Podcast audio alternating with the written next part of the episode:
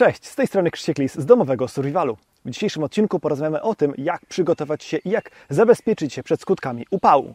Zapraszam.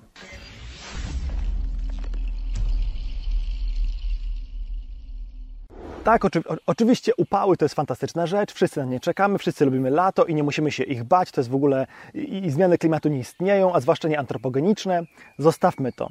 Niezależnie od tego, czy wierzycie w zmianę klimatu, czy nie, upały w Polsce są coraz bardziej dotkliwe i coraz bardziej dotkliwe będą. A upały mogą być przyczyną no, także śmierci ze względu po pierwsze na odwodnienie, a po drugie udar cieplny. Udar cieplny będący skutkiem przegrzania jest potencjalnie śmiertelny, nawet w 40% przypadków i może powodować trwałe zmiany w mózgu, więc e, raczej chcemy go uniknąć. Najbardziej narażeni na tego typu negatywne skutki upałów są po pierwsze staruszkowie, e, po drugie dzieci, niemowlęta, e, także osoby przewlekle, przewlekle chore na niektóre choroby, które organizmowi utrudniają termoregulację oraz osoby przyjmujące niektóre leki. No to trzeba się po prostu zorientować, czy ta choroba, którą mamy, czy te leki, które mamy, czy które przyjmują nasi bliscy, mogą na, w ten sposób powodować zwiększenie zagrożenia dla nas czy naszych bliskich. Jeśli tak, no to tym bardziej powinniście obejrzeć ten materiał. Oprócz tego, że upał jest uciążliwy sam w sobie, może być powodem, przyczyną kilku innych kryzysowych scenariuszy. Po pierwsze, braku wody. Mieliśmy teraz dokładnie w ten weekend problemy z zaopatrzeniem wody w Skierniewicach, kilkudziesięciotysięcznym mieście znajdującym się kilkadziesiąt kilometrów na zachód od Warszawy. Co więcej, niski poziom wody w rzekach może powodować problemy z zaopatrzeniem w wodę do chłodzenia elektrowni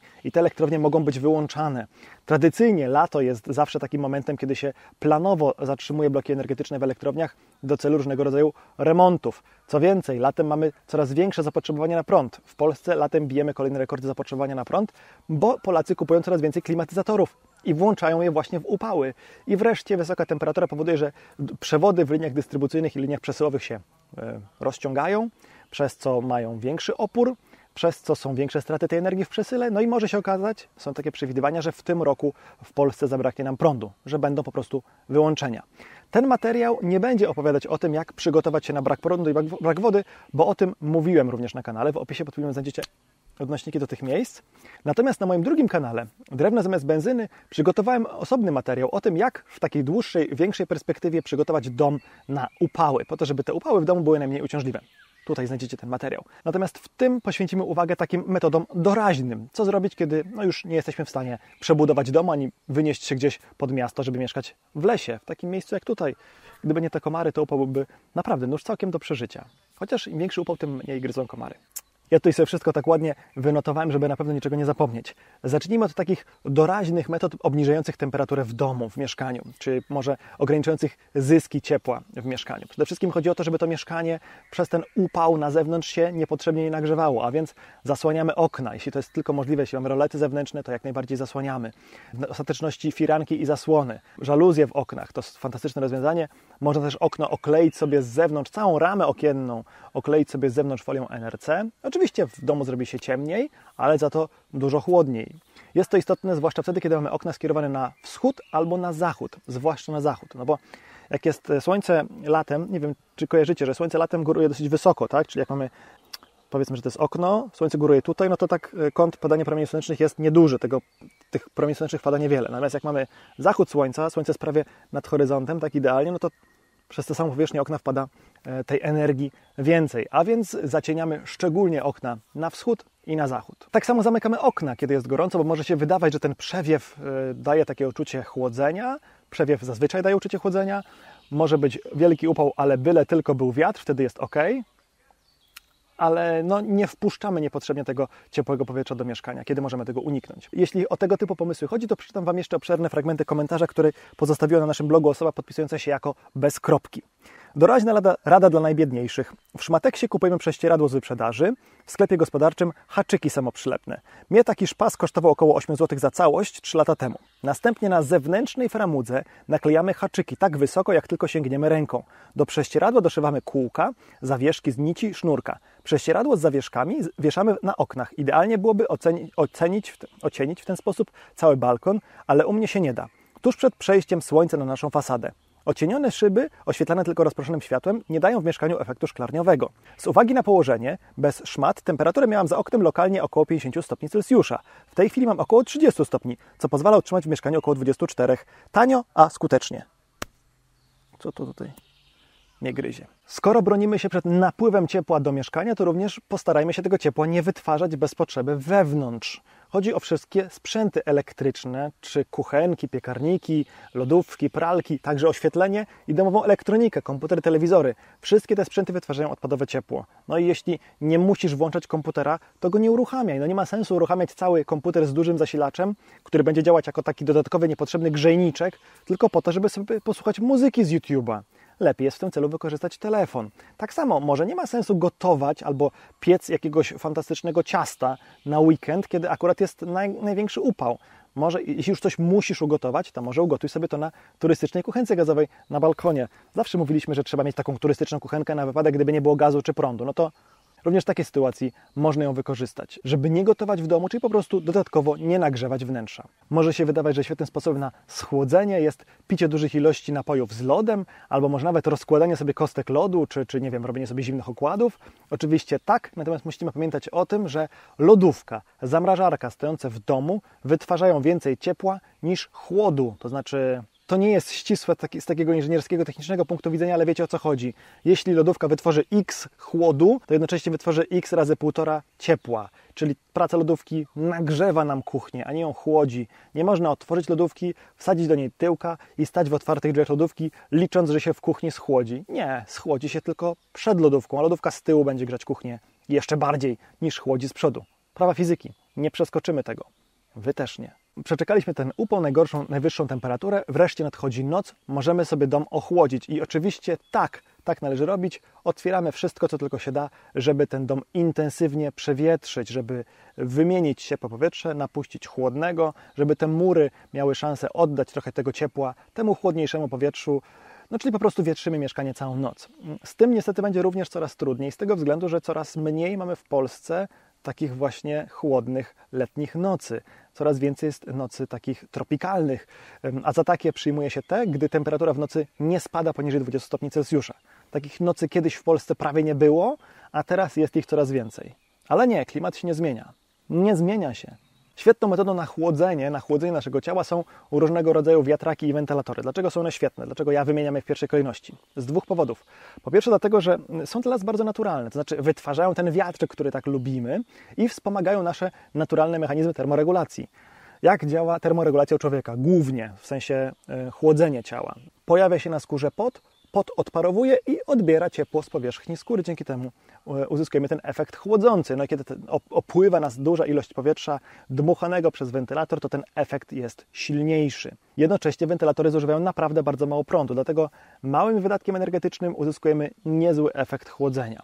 Co więcej, wentylator może działać również wtedy, kiedy nie będzie prądu, bo go zabraknie. Po prostu przynosimy z samochodu akumulator, podłączamy go do kupionego na tę ewentualność panela fotowoltaicznego i do tego podłączamy jakiś taki prosty, tani, dający się kupić w sklepie 12V wentylatorek. I trzymamy go sobie przed twarzą, yy, tak po całym ciele dmuchamy i za chwilę jest nam dużo chłodniej. I idziemy do kolejnej osoby, czyli jednym takim małym urządzonkiem zużywającym naprawdę bardzo mało prądu jesteśmy w stanie fantastycznie siebie schłodzić. Czy zadbać o to, żeby na przykład dziecko leżące w łóżeczku również było chłodne, było schłodzone. Czy babcia, która jest obłożnie chora i opiekujemy się nią, leży u nas w, w domu, no również trzeba tam ją właśnie tym wentylatorkiem będzie schłodzić. Jak nie kupimy czegoś takiego, to wymontujemy z komputera wentylator na 12 V, podłączymy do tego układu i też będzie dobrze działać.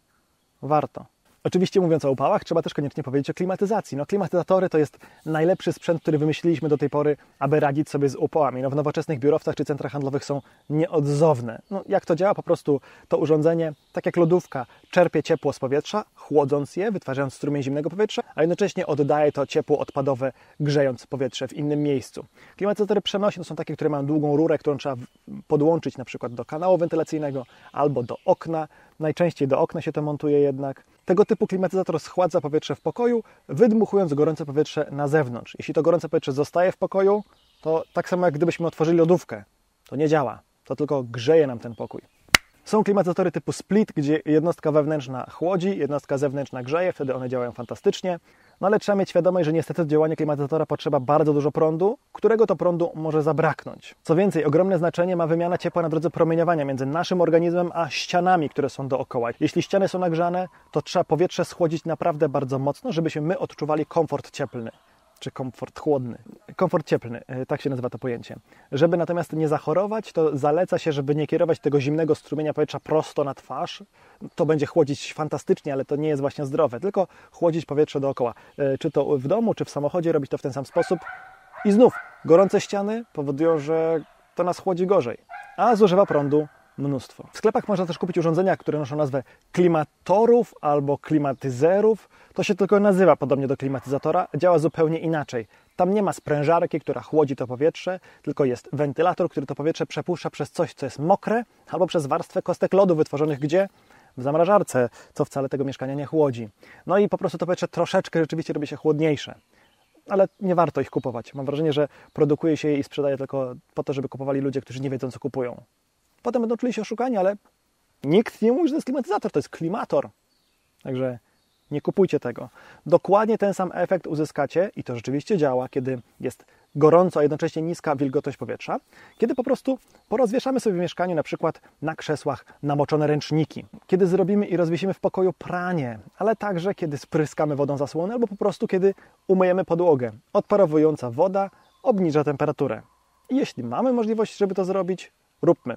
Kiedy będzie upalnie, gorąco i wilgotno, to to nic nie da, ale kiedy będzie gorąco i sucho, zadziała pięknie. Aby nasz organizm mógł sobie efektywnie poradzić z upałem, my koniecznie musimy dużo pić. Wspomniałem, że wytwarzamy pot.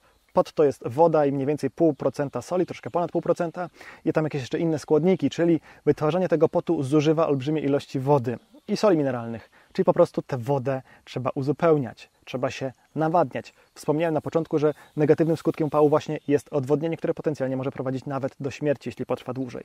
Pijemy duże ilości, ale nie byle czego. Nie soków, nie coli, nie gazowanych słodkich napojów. Tych możemy wypijać powiedzmy niecałą szklankę dziennie. Natomiast pić trzeba duże ilości wody ewentualnie herbaty z cytryną, ale najlepiej też niesłodzonej. Na pewno nie pijemy alkoholu, nawet piwa. Piwo raczej odwadnia, więc nie. Nie pijemy piwa. Bezalkoholowe może, ale zwykłe nie. Wodę. Pijemy wodę. Do nawadniania osób, które już się odwodniły, choćby ze względu na ten upał czy na przykład biegunkę, stosuje się specjalne mieszanki, w których w skład wchodzi oczywiście woda, ale także glukoza, chlorek sodu, chlorek potasu i cytrynian sodu. I w odpowiednich proporcjach się te substancje ze sobą miesza i tym się człowieka nawadnia, podając niewielkie ilości do picia. W sensie niewielkie ilości naraz, ale dużo tego. Ale jeśli ty albo ktoś z Twoich bliskich jest odwodniony, to nie oglądaj tego filmu na YouTubie i nie wpisuj w Google, jak uratować kogoś, kto jest odwodniony, tylko jedź z nim do lekarza. Po prostu. W czasie upałów raczej się nie chce jeść, ale jeśli już jeść, to najlepiej te rzeczy, które zawierają dużo wody, czyli głównie warzywa i owoce, takie jak na przykład ogórki, pomidory, arbuza, pieczone mięso, chipsy, suchary, no to, to raczej nie. Zupy są bardzo dobre, a w szczególności chłodnik z warzyw, bulionu i jakichś tam mlecznych przetworów. Czasem z kefiru się go robi, czasem z maślanki, ze schiodołego mleka. Naprawdę, na taką pogodę polecam. Co więcej, unikajmy wychodzenia z domu, kiedy jest cieplej na zewnątrz niż w domu, w szczególności w tych godzinach powiedzmy między 11 a 15, kiedy jest naprawdę najgoręcej, kiedy najsilniej operuje słońce. Słońce też przecież bardzo mocno nas grzeje. Starajmy się nie wytwarzać ciepła wewnątrz naszego organizmu. Unikajmy wysiłku fizycznego, w szczególności tego na zewnątrz, właśnie na upale. Jeśli już musimy wychodzić z domu, jeśli już musimy iść na dwór, bo na przykład, nie wiem, przygotowujemy się do maratonu i musimy sobie pobiegać, albo mamy do wykonania jakieś prace w ogrodzie i absolutnie nie możemy ich pominąć, to starajmy się to zrobić w godzinach, które są najchłodniejsze. Moi dziadkowie mieli gospodarstwo, ja nie rozumiałem, czemu mój dziadek wstaje przed szóstą, a potem śpi sobie w południe po obiedzie. Zrozumiałem to po latach. Dziadek wstawał po prostu po to, żeby coś w ogrodzie zrobić, kiedy jeszcze było chłodno a potem w ten najgorszy upał po prostu po obiedzie sobie spał, żeby tam no, zgadzała mu się ilość snu w ciągu doby, ale żeby mógł pracować wtedy, kiedy jest to najkorzystniejsze. Unikajmy też miejsc, w których jest z różnych względów szczególnie gorąco, na przykład dużych wybetonowanych placów. Najlepiej jest sobie siedzieć w parku, w lesie, albo w ostateczności rozpiąć sobie na sznurku między dwiema e, drzewami jakieś duże prześcieradło i rozłożyć sobie pod nim hamak. Wypoczynek, odpoczynek, nie praca. Praca w upał nie. Odpoczynek, tak. Ta plandeka z Decathlonu, którą pokazywałem Wam na kilku moich materiałach, która jeździ ze mną zawsze pod namiot, fantastycznie chroni przed słońcem, no bo ona też pod tym kątem została skonstruowana, ale niekoniecznie trzeba kupować coś takiego. Tak jak mówię, wystarczy odpowiednio duże prześcieradło. Kiedy wychodzisz z domu, koniecznie zabieraj ze sobą coś do picia, najlepiej wodę, albo termos z zimną wodą, czy z zimną e, słabą herbatą z cytryną na przykład, lekko posłodzoną. Lekko posłodzoną. Przecież może nie być prądu, albo z jakichś innych względów możesz nie móc kupić tej wody w sklepie.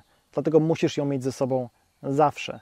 No lepiej jest mieć ze sobą butelkę wody niż filtr do picia wody z parku, z, jakiegoś tam, z jakiejś tam parkowej sadzawki. Tym bardziej, że w razie upału tej wody w parkowej sadzawce również może brakować. Zidentyfikuj najchłodniejsze pomieszczenie w całym domu i po prostu, no jeśli nie ma innego wyjścia, to tam się udaj. Na przykład do piwnicy czy do garażu. No, upał to jest świetny moment na zrobienie porządku w piwnicy czy sprzątanie w samochodzie, w garażu. Prawda? Można gdzie niegdzie przeczytać takie porady, żeby się kąpać w gorącej wodzie, bo wtedy jak wyjdziemy spod tej kąpieli, to zrobi się nam chłodniej. Rzeczywiście jest taki efekt, ale niepotrzebnie w ten sposób nagrzewamy organizm.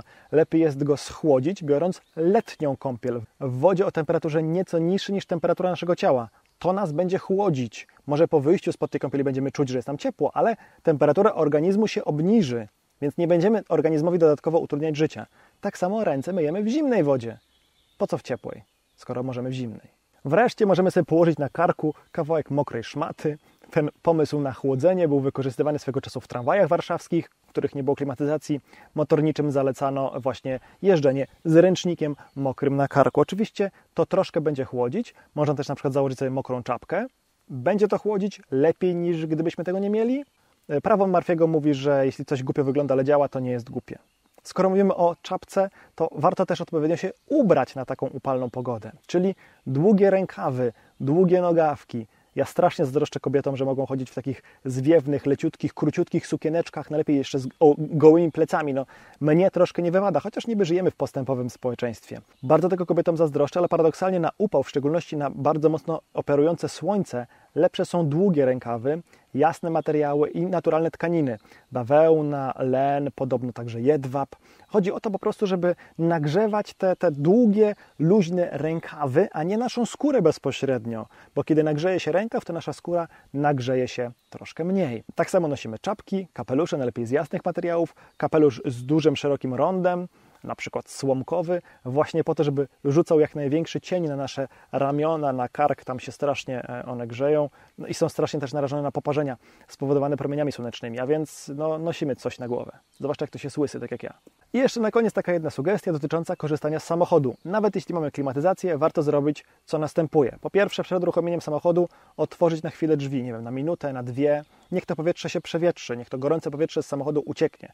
Potem jak już siadamy, to zostawiamy otwarte e, szyby i włączamy intensywnie nawiew, nawet z klimatyzacją włączoną, po to, żeby wypchnąć resztki tego ciepłego powietrza z samochodu i zastąpić je zimniejszym, albo tym z zewnątrz, albo najlepiej jeszcze tym schłodzonym przez klimatyzację. Dzięki temu e, klimatyzacja szybciej e, obniży temperaturę wewnątrz samochodu, niż gdybyśmy mieli okna pozamykane, a najlepiej jeszcze włączony obieg wewnętrzny. Klimatyzacja mocniej obniży temperaturę powietrza, które ma 30 branego spoza samochodu, niż tego, które jest w środku samochodu i ma 38 albo 40 stopni. To jest oczywiste i dlatego warto jest wypchnąć to ciepłe i czerpać nieco chłodniejsze z zewnątrz. Z mojej strony to tyle. E, tutaj znajdziesz ten materiał z mojego drugiego kanału o tym, jak przygotować dom na upalne lata. Tutaj są jakieś dwa inne materiały, które poleca Ci YouTube. I na koniec tradycyjnie chciałbym za pomocą tego przycisku zachęcić Cię, to znaczy zachęcić Cię, abyś za pomocą tego przycisku zasubskrybował nasz kanał, aby nie przegapić kolejnych materiałów, które dla Ciebie przygotujemy. Do zobaczenia w kolejnym filmie. Trzymajcie się. Cześć!